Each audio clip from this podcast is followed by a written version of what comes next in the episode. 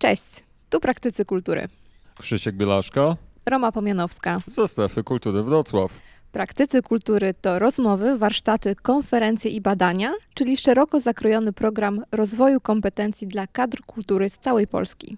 Program ten przygotowujemy z myślą o osobach o różnym zakresie wiedzy i doświadczeń, reprezentantek i reprezentantów instytucji, organizacji pozarządowych i inicjatyw oddolnych. Dzień dobry, witamy w kolejnym odcinku rozmów. O dziś nasze spotkanie mm, w pozytywnym tonie wokół nowych technologii i relacji pomiędzy e, bytnością i obecnością instytucji kultury i organizacji pozarządowych aktywnych właśnie kulturalnie i edukacyjnie w przestrzeni internetu. Wymuszona ta migracja do tej sieci przez pandemię, która już ponad rok, e, parę dni ponad rok w momencie naszego nagrania ma.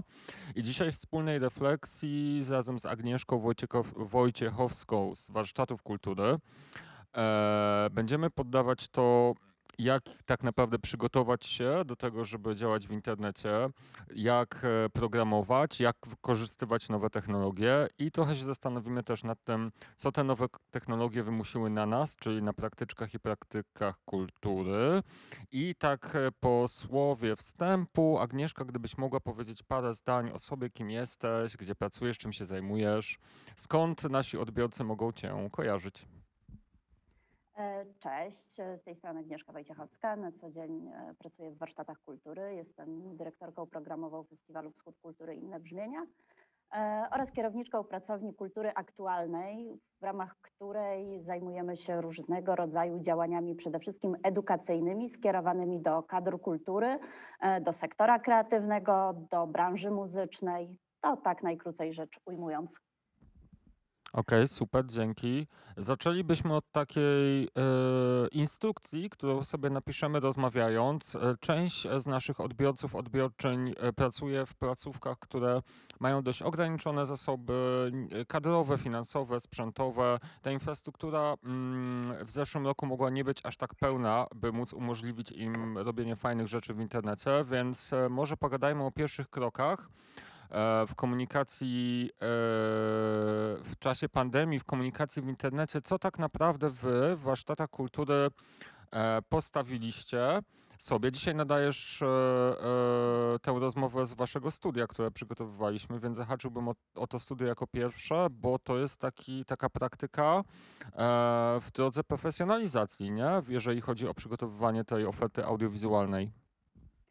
E, Tak, to nasze studio, z którego rzeczywiście dzisiaj się e, z Wami łączę, to e, efekt, efekt pandemii, kiedy mm, wydarzyło się to, co się wydarzyło po pierwszym zadziwieniu i jakichś próbach e, e, szybkiego zareagowania, e, które tutaj mogę tylko tak krótko nadmienić, w naszym przypadku mocno uratowały materiały archiwalne i sieć kontaktów, jaką mieliśmy pozwoliło nam się to bardzo szybko zaadaptować do tej nowej sytuacji.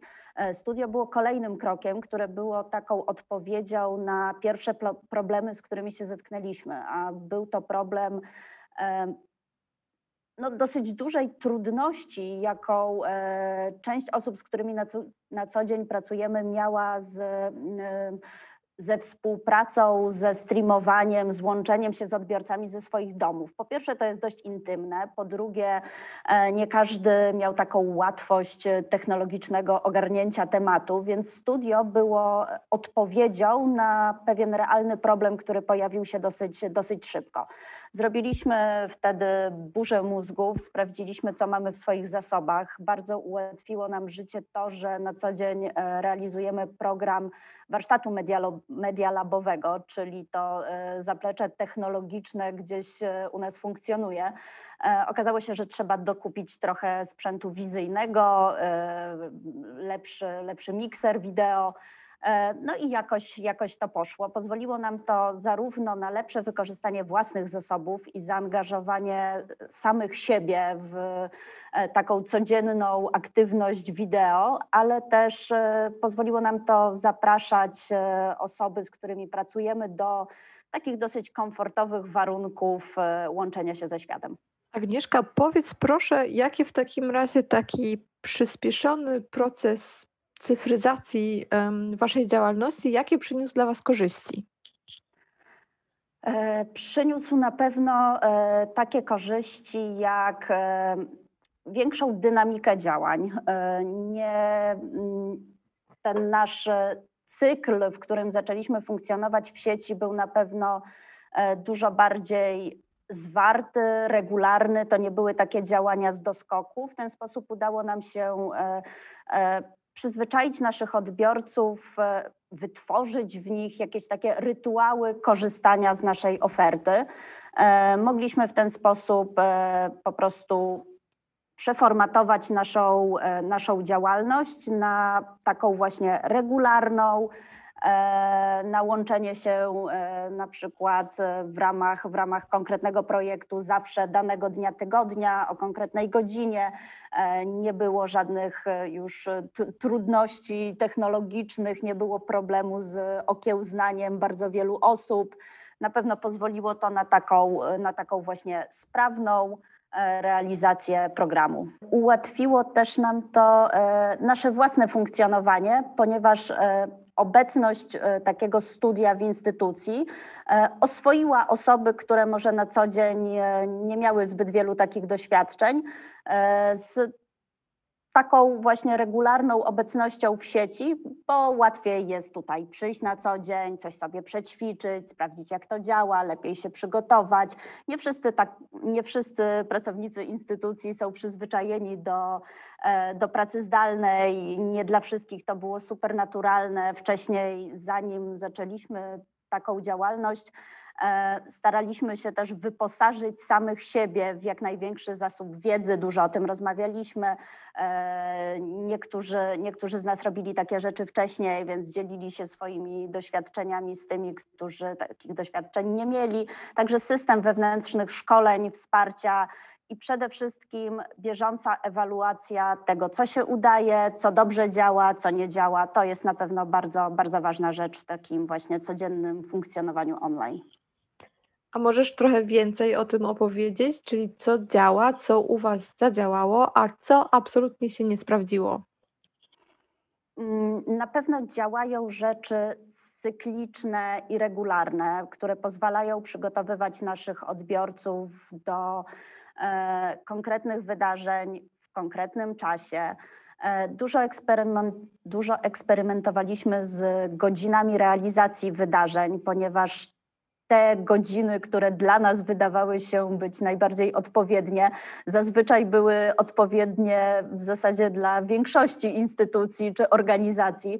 I skończyło się tym, że przy tej pierwszej e, fazie pandemii większość wydarzeń odbywała się o godzinie 18 czy godzinie 19. E, I tak naprawdę ta oferta była wtedy przesycona już do, do granic możliwości. W związku z tym okazało się dość szybko, że im mniej standardowe godziny i czasem wydawałoby się jakieś takie szalone, może irracjonalne, one okazywały się być często najlepszymi strzałami. Sprawdziło się na pewno takie bardzo osobiste podejście. Okazało się, że nawet jeżeli inni ludzie robią e, coś podobnego do nas, do, do, do działalności warsztatów kultury, to nasi odbiorcy bardzo chętnie korzystają z naszej oferty, ponieważ są przyzwyczajeni do, mm, do osób, które znają, do konkretnych instruktorów, e, do koordynatorów projektów, do e, kontaktu z, ze znanymi twarzami, do słuchania głosów, których na co dzień słuchali na żywo.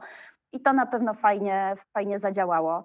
E, Generalnie wszystkie formy takiego osobistego kontaktu bardzo się sprawdzały. Dobrze sprawdzały się e, komunikaty, które nie były suchymi informacjami prasowymi, a wideo czy, czy live'em. E, Dobrze sprawdziły się różnego rodzaju premiery wideo na Facebooku. I nawet wtedy, kiedy mm, nie były to zupełnie nowe, świeże materiały, ale kiedy uruchamialiśmy nasze archiwa i pokazywaliśmy niepublikowane wcześniej, ale y, takie materiały, które gdzieś mieliśmy w bazie, to gromadziły one naprawdę dużą ilość publiczności, która przygotowywała się już wcześniej na, na tą godzinę premiery. To ja od razu w takim razie skoczę, wskoczę z takim pytaniem, ile to jest dużo publiczności, bo taką czołową i myślę e, nagminnie odbywaną dyskusją w naszym środowisku, które się musiało do tego internetu przenieść, e, to dopasowanie mierników, do których byliśmy przyzwyczajeni z tego realnego świata, z e, wydarzeń opartych na bezpośrednim uczestnictwie i przyszywanie ich trochę do ram internetowych. Jakie rady pierwsze byś dała ludziom, którzy się w tym roku na przykład odważą, e, osobom z instytucji, organizacji, które w tym roku zaczną swoją przygodę z ofertą cyfrową, e, w opracowywaniu jakichś takich realnych celów dla, dla tej widoczności i zasięgów e, danej oferty i też jakbyś mogła podpowiedzieć e, w kilku zdaniach, gdzie e, te informacje o tym uczestnictwie w tych wszystkich platformach tak naprawdę zbieracie? Co jest takim najbardziej e, skutecznym dla Ciebie narzędziem pozyskiwania informacji na temat tego, kto w jakim czasie, jak często e, tę ofertę odbiera? E, Cele dotyczące publiczności powinny być przede wszystkim realistyczne.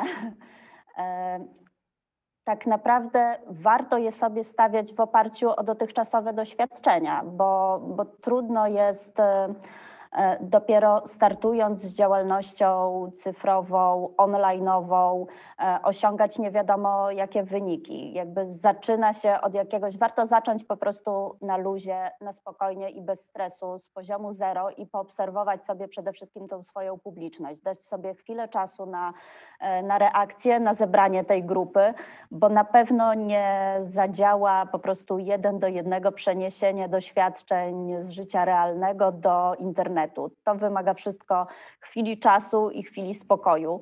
E, ten początek pandemii to był w ogóle świetny czas dla instytucji, dla organizacji do tego, żeby e, lepiej się poznać, żeby mm, trochę samemu się dookreślić i w swoim zespole e, przypomnieć sobie, kim jesteśmy, co robimy, dla kogo robimy, jakie są nasze główne wartości, w co my w ogóle wierzymy, i dopiero na tej bazie, na spokojnie zacząć budować sobie program internetowy. E, Było to wyraźnie widać na samym początku, kiedy zaskoczyła nas pandemia, że w tej pierwszej, e, na tym pierwszym etapie po prostu wszyscy zaczęli robić wszystko na hura, bo, bo, bo tak było trzeba, bo wszyscy się zestresowali, e, bo poszła taka fama, że jeżeli nie będzie nas w sieci, to znaczy, że nas nie będzie, że znikniemy, że nas pozamykają. E, I po prostu było jakieś szaleństwo, taka totalna streamoza wydarzeniowa, wszyscy robili wszystko, porywali się na jakieś szalone, szalone rzeczy. Niestety ten content był wtedy w większości przypadków niestety niskiej jakości.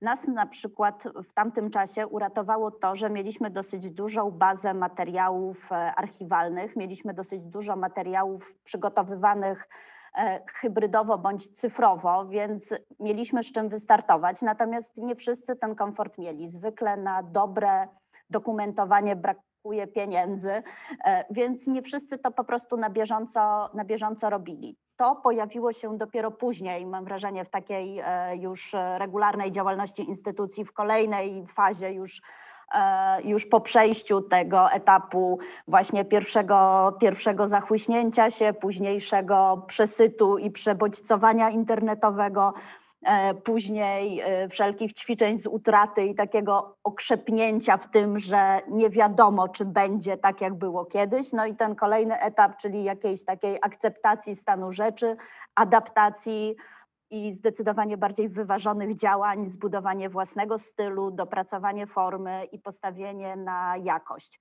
E, Także jeśli chodzi o wskaźniki publiczności, to tak jak wspomniałam, warto dać sobie chwilę na wystartowanie, na sprawdzenie, jak to działa i na tak naprawdę doświadczeniu na własnej skórze, jak bardzo ta grupa publiczności się zmienia. E, My dość szybko zauważyliśmy, że ta nasza codzienna działalność, która zazwyczaj kierowana była do lokalnej publiczności, do osób z Lublina bądź z województwa lubelskiego, ona szybko przekroczyła granice województwa, stała się e, zdecydowanie ponadlokalna, ogólnopolska. I to jest, myślę, bardzo cenna rzecz, e, cenne zjawisko, z którym zostaniemy bez względu na to, co się dalej wydarzy, czy pandemia odpuści, e, czy wrócimy do świata, który znamy, czy nie wrócimy. Mamy nadzieję, że ci ludzie, których e, w tym trudnym czasie pozyskaliśmy jako naszych nowych odbiorców, że zostaną z nami, a co za tym idzie, bardzo ważnym będzie, by wtedy, kiedy będziemy mogli znów bardziej na większą skalę działać offline, nie zostawić tej nowej online'owej publiczności, e, bo to są nasi nowi widzowie, to jest nasza nowa grupa, która e, już nam zaufała, która już jest gdzieś e, blisko nas, która już sporo o nas wie. E, I na pewno ta hybrydowość to będzie taki, taki kierunek. Także nie do końca odpowiedziałam chyba na pytanie ze wskaźnikami, bo to jest, to jest strasznie trudna rzecz. Mogę tylko powiedzieć e, konkretny przykład. E, Drobny warsztat, warsztat, który miał być zupełną rozrywką przedświąteczną. Mieliśmy wspólnie grać na ukulele. To był, to był warsztat, który miał po prostu tak troszkę rozluźnić atmosferę, dać e, w tym e, takim pierwszym trudnym czasie e, jakąś taką miłą opcję domowej aktywności muzycznej, kulturalnej. W normalnych warunkach skierowalibyśmy do 10, może 15 osób. Okazało się, że na warsztat zapisało się chyba ponad 700 osób, co oznacza, że takich grup warsztatowych po prostu nie bylibyśmy w stanie w zasadzie w życiu e, realnym przerobić. Nie bylibyśmy w stanie zrobić tak dużej ilości warsztatów, a internet nam na to pozwolił. Więc ten potencjał, który w tych działaniach jest, jest naprawdę duży i bywa bardzo nieoczekiwanie duży.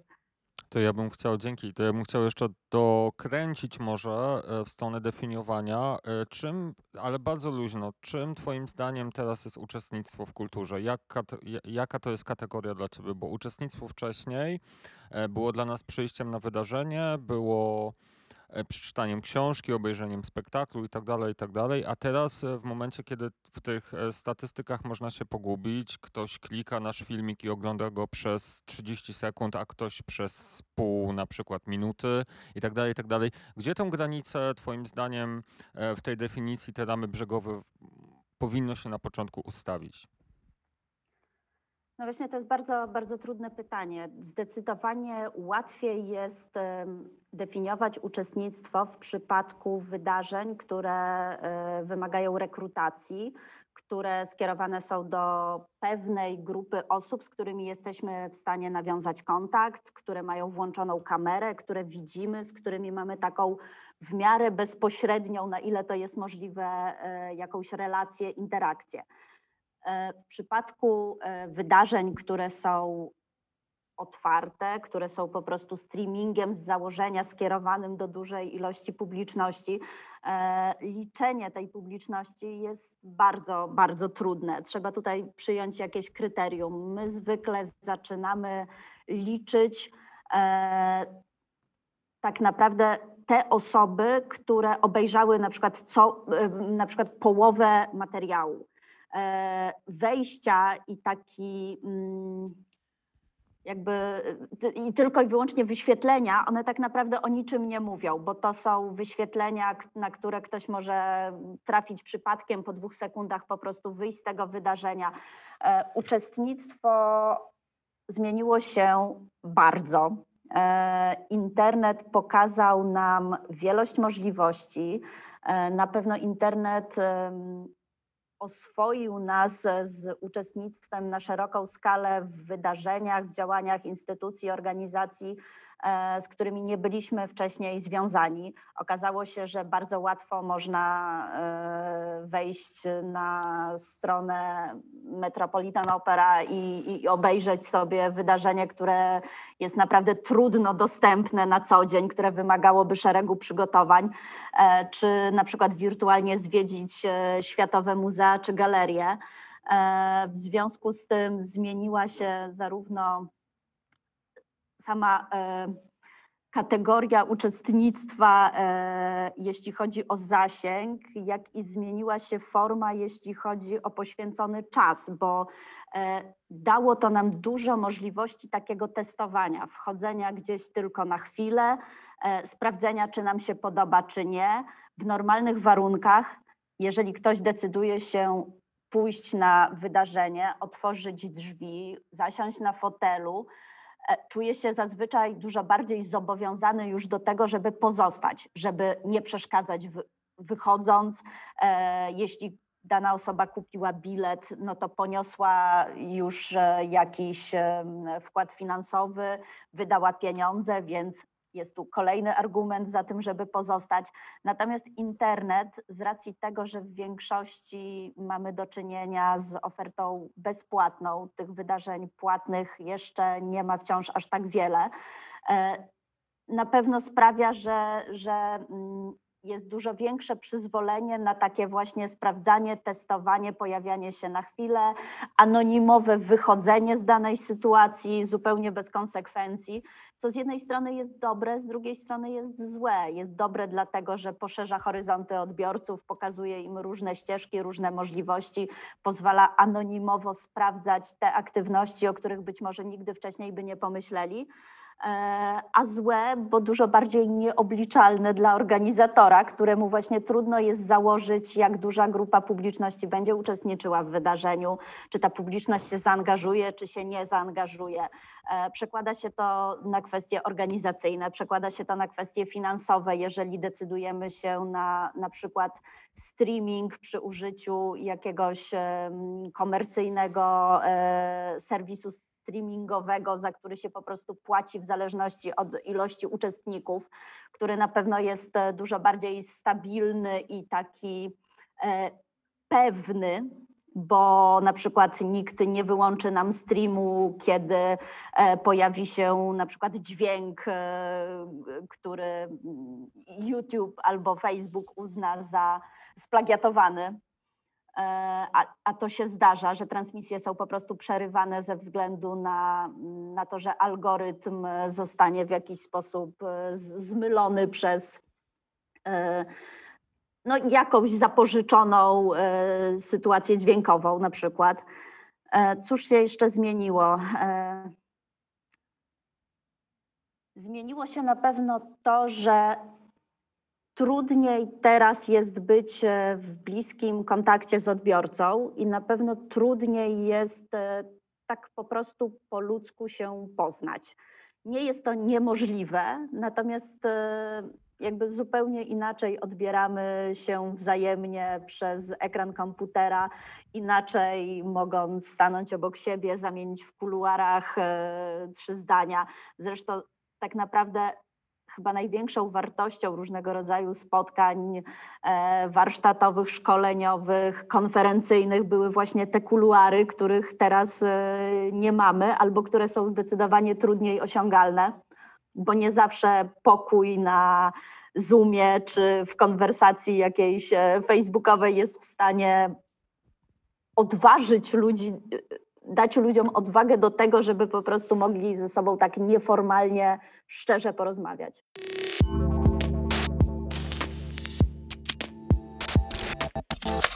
Agnieszka, wspomniałaś o nowych zwyczajach uczestnictwa, o jakby nieobliczalności naszych odbiorców. Ja chciałabym Cię zapytać bardziej e, teraz o perspektywę pracowników i o Twoją opinię. Czy mm, czas pandemii to jest dla nas rzeczywiście czas poszukiwania nowych treści, nowych form, czas eksperymentowania. Oczywiście y, mówię już o tej fazie jakby adaptacji, wtedy kiedy, jak to nazwałaś, okrzepliśmy trochę e, w tych zmianach.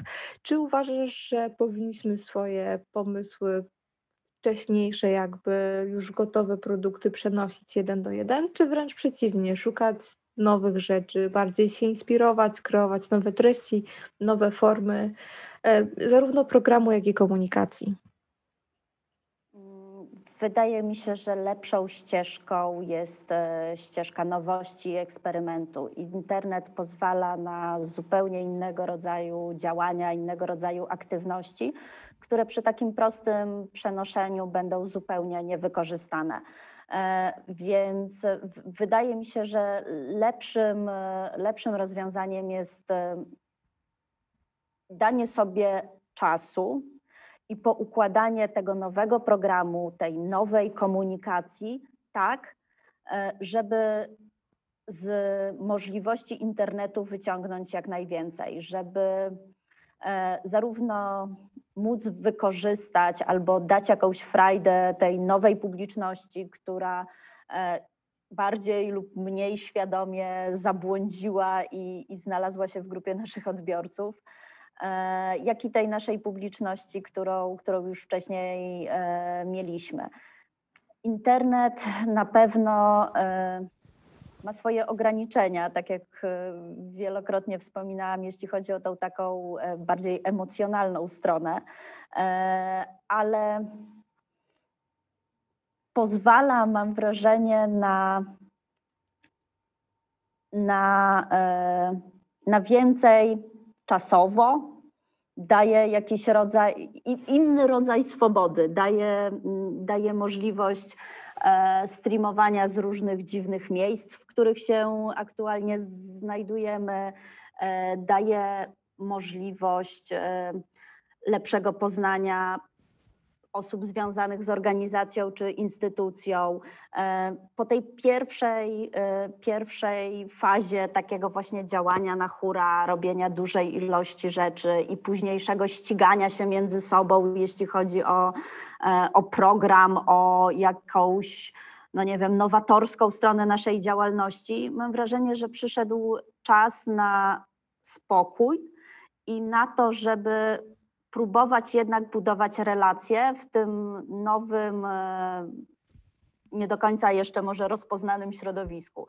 Bo wierzę, że te relacje w jakiś sposób e, można budować. Na pewno internet pozwala w obszarze mm, dostępności na dużo więcej, e, zwłaszcza w przypadku instytucji, organizacji, które mają swoje siedziby w miejscach na przykład historycznych, tak jak my, gdzie ten e, dostęp fizyczny nie zawsze i nie wszędzie jest taki prosty.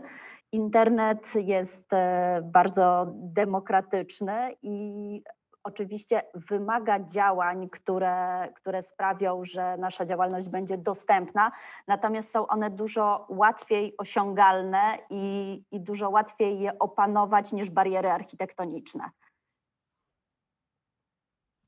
Super. Ja bym chciał w takim razie na chwilę przeskoczyć do offline'u. Spędziliśmy ostatni kwadrans e, w przestrzeni sieci i teraz takie pytanie na zmyłkę, zmianę kierunku. E, Warsztaty kultury akurat zrealizowały w zeszłym roku część ze swoich planów e, wydarzeń większych, bo jesteście też tym podmiotem, który realizuje część oferty e, w Lublinie takich wydarzeń plenerowych, które angażują sporą część mieszkanek i mieszkańców miasta. Pozdrawiamy ze strefy, też to robimy i chcielibyśmy, żebyś powiedziała, co poza siecią, bo też przygotowanie w dobie e, pandemii, wydarzenie, które się odbywa w czasie rzeczywistym, gdzieś w jakiejś przestrzeni, to są zupełnie nowe reguły gry. Jak do tego podeszliście? Mm, Rzeczywiście w ubiegłym roku udało się zorganizować trzy z czterech naszych letnich festiwali. Akurat wtedy niejako wstrzeliliśmy się w takie okienko letnie, kiedy mm, obostrzenia były troszeczkę mniejsze i kiedy, kiedy było to możliwe. E, Był to taki magiczny czas, kiedy e, zarówno nam, jak i naszej publiczności przez chwilę udało się uwierzyć w to, że jeszcze kiedyś będzie pięknie i normalnie. E, Natomiast e, wymaga to oczywiście wielu, e, wielu działań i nie jest to wcale takie łatwe.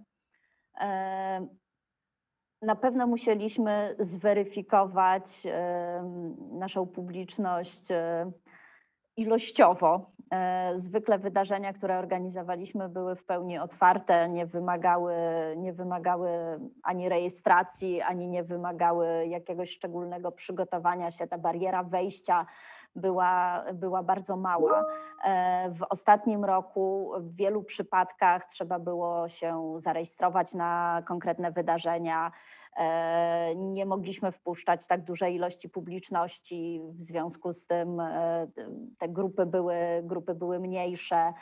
E, Oczywiście trzeba było zadbać o wszelkie środki sanitarne, które musiały być e, łatwo dostępne.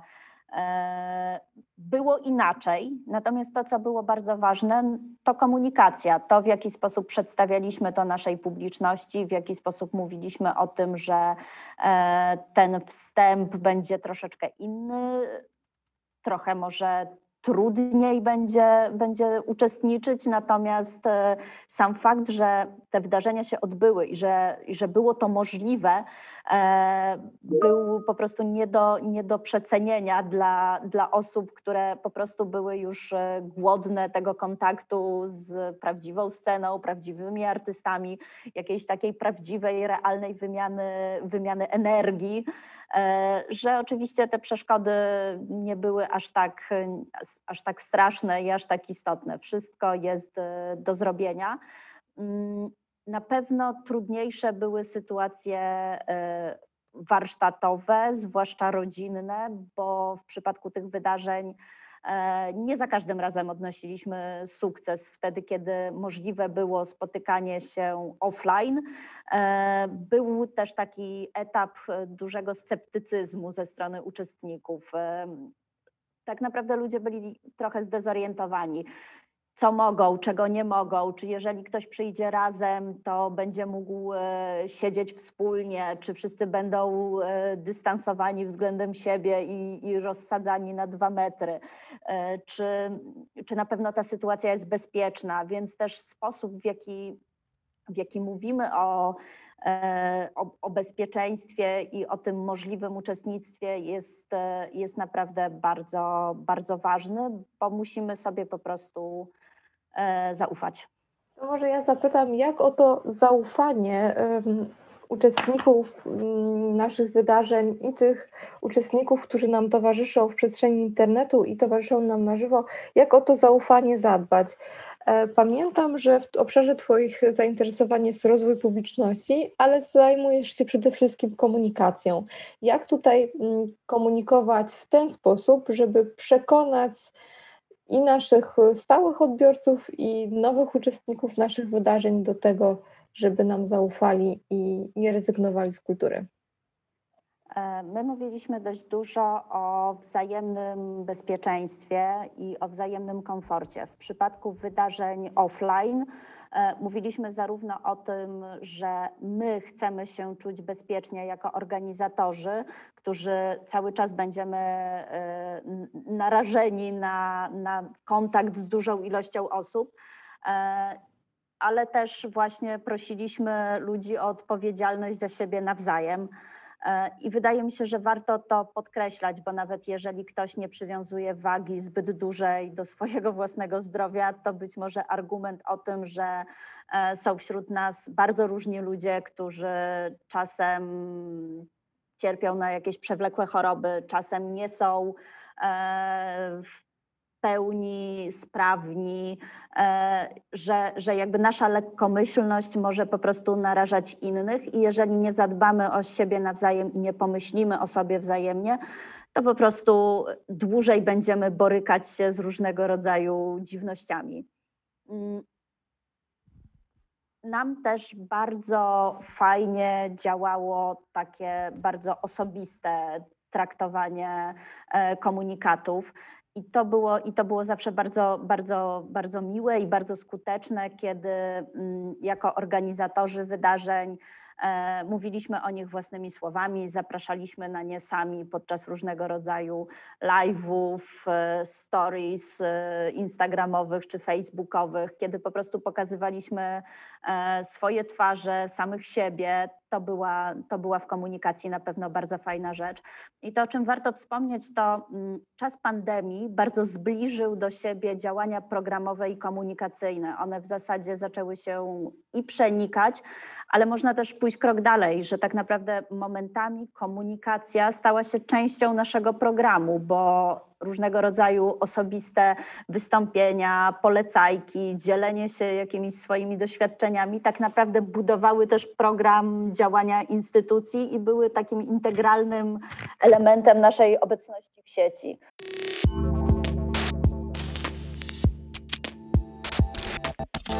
Konkurując jakby o czas wolny odbiorców, uczestników kultury, stajemy w sz- szranki z naprawdę dużymi graczami, jak chociażby Netflix czy e, inne platformy muzyczne, platformy audiobookowe czy platformy jakby dystrybuujące książki. Chciałam zapytać Ciebie, a właściwie poprosić Cię o tak kilka rad pokrzepiających, czyli e, jaką wartość ta kultura tworzona w instytucjach czy organizacjach, trochę na mniejszą skalę, ale y, nierzadko ciekawsza, bardziej wartościowa, albo też taka po prostu bliższa. Kilka takich pokrzepiających rad, zdań, inspiracji dla naszych słuchaczy i słuchaczek. Kultura tworzona przez instytucje bardzo często osadzona jest dobrze w lokalnym kontekście. I to jest e, coś, czego nie uzyska nigdy żadna platforma streamingowa albo e, no, dużo bardziej zanonimizowane ciało czy, czy globalny organizator. Więc na pewno siłą instytucji jest szybkość reagowania, bliskość odbiorcy, świadomość e, lokalnych kontekstów, świadomość e, problemów, z którymi publiczność aktualnie się boryka, zwłaszcza e, w tym naszym mm, najbliższym otoczeniu, które dobrze znamy, które rozumiemy. To, co też e, dość dobrze zadziałało u nas, to właśnie z racji tego, że mm, oferta jest bardzo bogata, że serwisy streamingowe e, w czasie pandemii e, były chyba największymi wygranymi i odniosły ogromny komercyjny sukces, ponieważ ludzie nie mogli chodzić do kina, więc siedzieli w domu, oglądali, oglądali filmy. Tak naprawdę na nowo, moim zdaniem, zdefiniowana została rola, funkcja i potrzeba e, bycia kuratorem w kulturze. Potrzeba nam takich przewodników, którzy z całego tego nadmiaru pozwolą nam wyłuskać treści, które są ważne, które są ciekawe. Zresztą też nasi odbiorcy bardzo często potrzebują e, komuś zaufać, potrzebują osobistej rekomendacji. I to na przykład u nas się bardzo dobrze sprawdziło na, na wielu polach, bo e, wtedy, kiedy nie mogliśmy realizować swojego cyklu filmowego, który na co dzień e, tworzymy, naszego projektu e, Miasto Mówi, nie mogliśmy zapraszać e, ludzi do oglądania filmów tutaj u nas w sali, e, mogliśmy zaoferować publiczności kuratorski dobór filmów względem pewnego klucza spośród tych, które są dostępne w internecie albo łatwe do kupienia y, w, w sklepach, które są po prostu dostępne. I dostaliśmy dużo takiego właśnie y, pozytywnego sygnału, wiele pozytywnych sygnałów, że to był dobry strzał, bo jeżeli ktoś y, nie jest takim bardzo wprawionym konsumentem kultury e, i em, czasem może nie ma aż tak dużej wiedzy filmoznawczej, to po prostu tego rodzaju wsparcie e, jest, jest e, bezcenne, bo e, trzeba by naprawdę poświęcić bardzo wiele godzin na przeszukiwanie tych serwisów, na, e, na testowanie, jeżeli po prostu ktoś nie ma aż tyle czasu, to, to, to, to, to, myślę, że warto polegać na tych osobach, które zostały, e, któr- które znamy po prostu z życia i działalności, i którym wiemy, że możemy zaufać. I to jest, e, i to jest e, myślę, duża siła instytucji, kuratorów,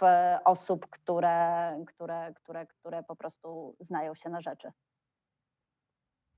Zaczęliśmy naszą rozmowę od tego, że jesteśmy po jasnej stronie mocy. Nasz drugi, druga z naszych rozmów dotycząca nowych technologii jest trochę bardziej mroczna i opowiada o niebezpieczeństwach e, nowych technologii i tego, co powszechna digitalizacja naszego życia społecznego w obszarze kultury, ale też generalnie rzecz ujmując całego naszego życia. E, no to teraz te pozytywy. Gdybyśmy mieli zebrać wspólnie do kupy 5-7 punktów, co te nowe technologie dały przemysłom kulturalnym, e, kulturze, edukacji i sztuce e, na przestrzeni ostatnich 12 lat i do tego zapraszam całą naszą trójkę. Ja wrzucę pierwszy punkt, czyli e, technologia, która umożliwiła nam pracę zdalną i tworzenie nawet na tym początkowym etapie oferty, która była może mniej profesjonalna niż ta, która wychodzi teraz i tworzona z e, mniejszym e, zapleczem doświad doświadczeń po prostu, e, no ale pozwoliła nam zareagować błyskawicznie. Co jeszcze dorzucicie do takiego worka pozytywów technologicznych? Krzysiu, powiedziałeś 12 lat, ale chodziło ci o 12 miesięcy, prawda? Tak. I obyśmy z Freud. perspektywą 12 miesięcy pozostali, a nie 12 lat. Ja E, do tego worka dorzucę na pewno na początek coś, o czym powiedziała już Agnieszka, czyli dostępność.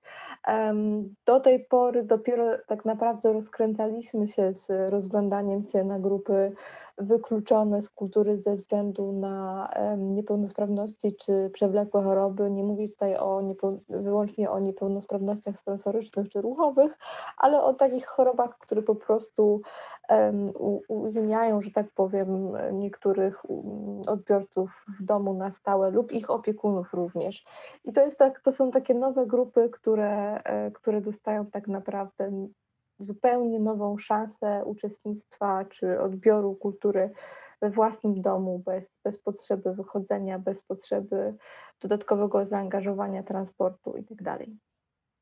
Mm, To ja dodam wzmocnienie kompetencji cyfrowych pracowników sektora kultury, którzy na pewno e, przez ten e, trudny czas e, zmuszeni byli do szybkiego zaznajomienia się z tematem, do tego, żeby poznać e, skuteczne narzędzia zarówno e, pracy, zarówno pracy zdalnej, jak i współpracy z publicznością, zarządzania projektami. Także to myślę, że zostanie z nami wszystkimi na dłużej, bo okazało się, że chyba nie docenialiśmy tych, e, tych narzędzi i wygody, którą, którą często nam dają.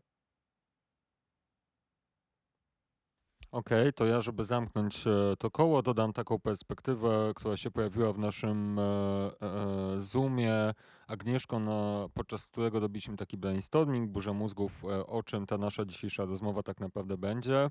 I to jest wątek tego, że instytucje i w ogóle marki kulturalne miały szansę e, przedstawić się na nowo. To w kontekście pozyskiwania tych nowych, e, e, zupełnie nieuzależnionych od naszej geolokalizacji grup odbiorców i wchodzenie na taki bardziej ogólny, geograficznie ogólnopolski, ogólnoregionalny e, poziom oddziaływania i zasięgów.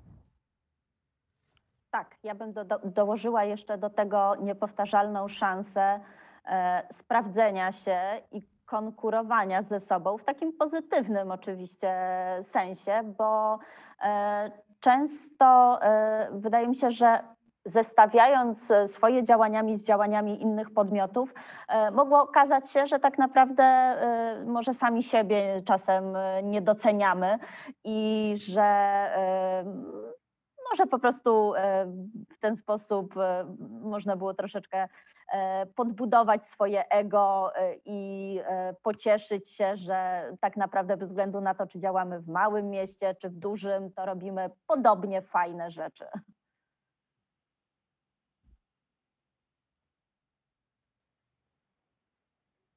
Roma? Z naszej rozmowy wynikają bardzo pozytywne rzeczy, czyli szanse, jakie daje nam internet, szanse, jakie zdobyliśmy przez te mm, ostatnie 12 miesięcy i, i takie mocne strony, które u, u siebie też poszukaliśmy. E, Na sam koniec, ale bardzo krótko, żebyśmy w tym duchu pozytywnym jednak zostali. Zapytam o, o to, jakie są zagrożenia, jaka ta nasza przyszłość w internecie em, niesie za sobą też e, trochę takich ciemniejszych stron. Agnieszko, co o tym myślisz? E, Ja się tak naprawdę bardziej e, boję powrotu do rzeczywistości tej postpandemicznej, e, offline'owej niż e, kolejnych działań online, ponieważ e, myślę, że musimy się liczyć e, z, taki, z powrotem do etapu e, walki o kulturę i niestety bardzo obawiam się, że e, znowu trzeba będzie borykać się z mniejszymi budżetami, bo jednak e, ta trudna sytuacja sprawiła, że jednak e, no, trochę zostały wydrenowane mm, budżety na, na inne zupełnie mm, sprawy e, i jakby zabezpieczenie się e, takie zdrowotne, więc wydaje mi się, że znowu czeka nas taki moment przypominania o znaczeniu kultury e, i potrzeb kulturalnych w życiu człowieka i, i, i niestety cały czas właśnie boję się tego, że trzeba będzie znów, znów o tą kulturę walczyć, tak jak, tak jak przed laty. Oby tak nie było i oby e, też e, włodarze naszych miast e, nie przyzwyczaili się za bardzo do tego, że rzeczywistość e, wirtualna jest w pełni satysfakcjonująca i że można ją w tej formie zostawić, bo na pewno byłoby to dużą, e, dużą krzywdą i, i, i przykrością zarówno dla organizatorów, jak i odbiorców, bo jednak na pewno nie jest to to samo i mimo, że to prawdopodobnie jest jakaś trochę tańsza, może czasem łatwiejsza forma organizacji kultury, to na pewno e, nie powinna wyłącznie w takim wirtualnym kształcie pozostać. Do tego podsumowania bardzo mocno się przyłączymy z Romaną i apelujemy do naszych wszystkich słuchaczy i słuchaczek, żeby prowadzili, prowadziły też akcje rzecznicze na temat znaczenia kultury i takie wiadomości, nawet trochę podprogowo, nie tuż z przodu i nie e, z pełną siłą. Warto naszym odbiorcom przekazywać przypominać im, że właściwie to kultura jako pierwsza obok tych zawodów, które były na pierwszej linii frontu i są do dziś, e, kultura i środowiska kreatywne jako pierwsze zareagowały i bardzo solidarnie się wszyscy w całej Polsce i na całym świecie ogarnęliśmy po to, żeby wspierać naszych odbiorców na tym poziomie mentalnym i emocjonalnym naszą ofertą. Agnieszka, bardzo Ci dziękujemy za dzisiejszą rozmowę. E, Dziękujemy. Było bardzo, bardzo super przejść z Tobą na jasną stronę mocy i posłuchać o Waszych doświadczeniach. Pozdrawiamy mocno całą ekipę warsztatów kultury. E, I może jest coś, co chcesz na koniec dorzucić, jakieś zdanie zamknięcia albo jakieś takie hasło, które Ci najbardziej towarzyszyło w zeszłym roku, bądź weszłaś z nim w 2021. E, hasło. Nie wiem, czy to będzie hasło. Chciałabym życzyć e, wszystkim pracownikom i pracowniczkom sektora kultury dużo odwagi. Dużo odwagi i zachęcić do eksperymentowania, nie poddawania się i do robienia rzeczy niestandardowych, takich o jakich kiedyś e, wcześniej w naszym poprzednim świecie tylko e, marzyliśmy albo które nam się wydawały czymś zupełnie odrębnym, od, od, odległym. Mam wrażenie, że teraz jest dobry czas, żeby uczynić je realnymi. Także nie ustawajcie w wysiłkach i bądźcie dzielni. Zostawiamy Was z tym apelem o eksperyment i pozdrawiamy serdecznie. E, Do usłyszenia w następnym odcinku. Do usłyszenia.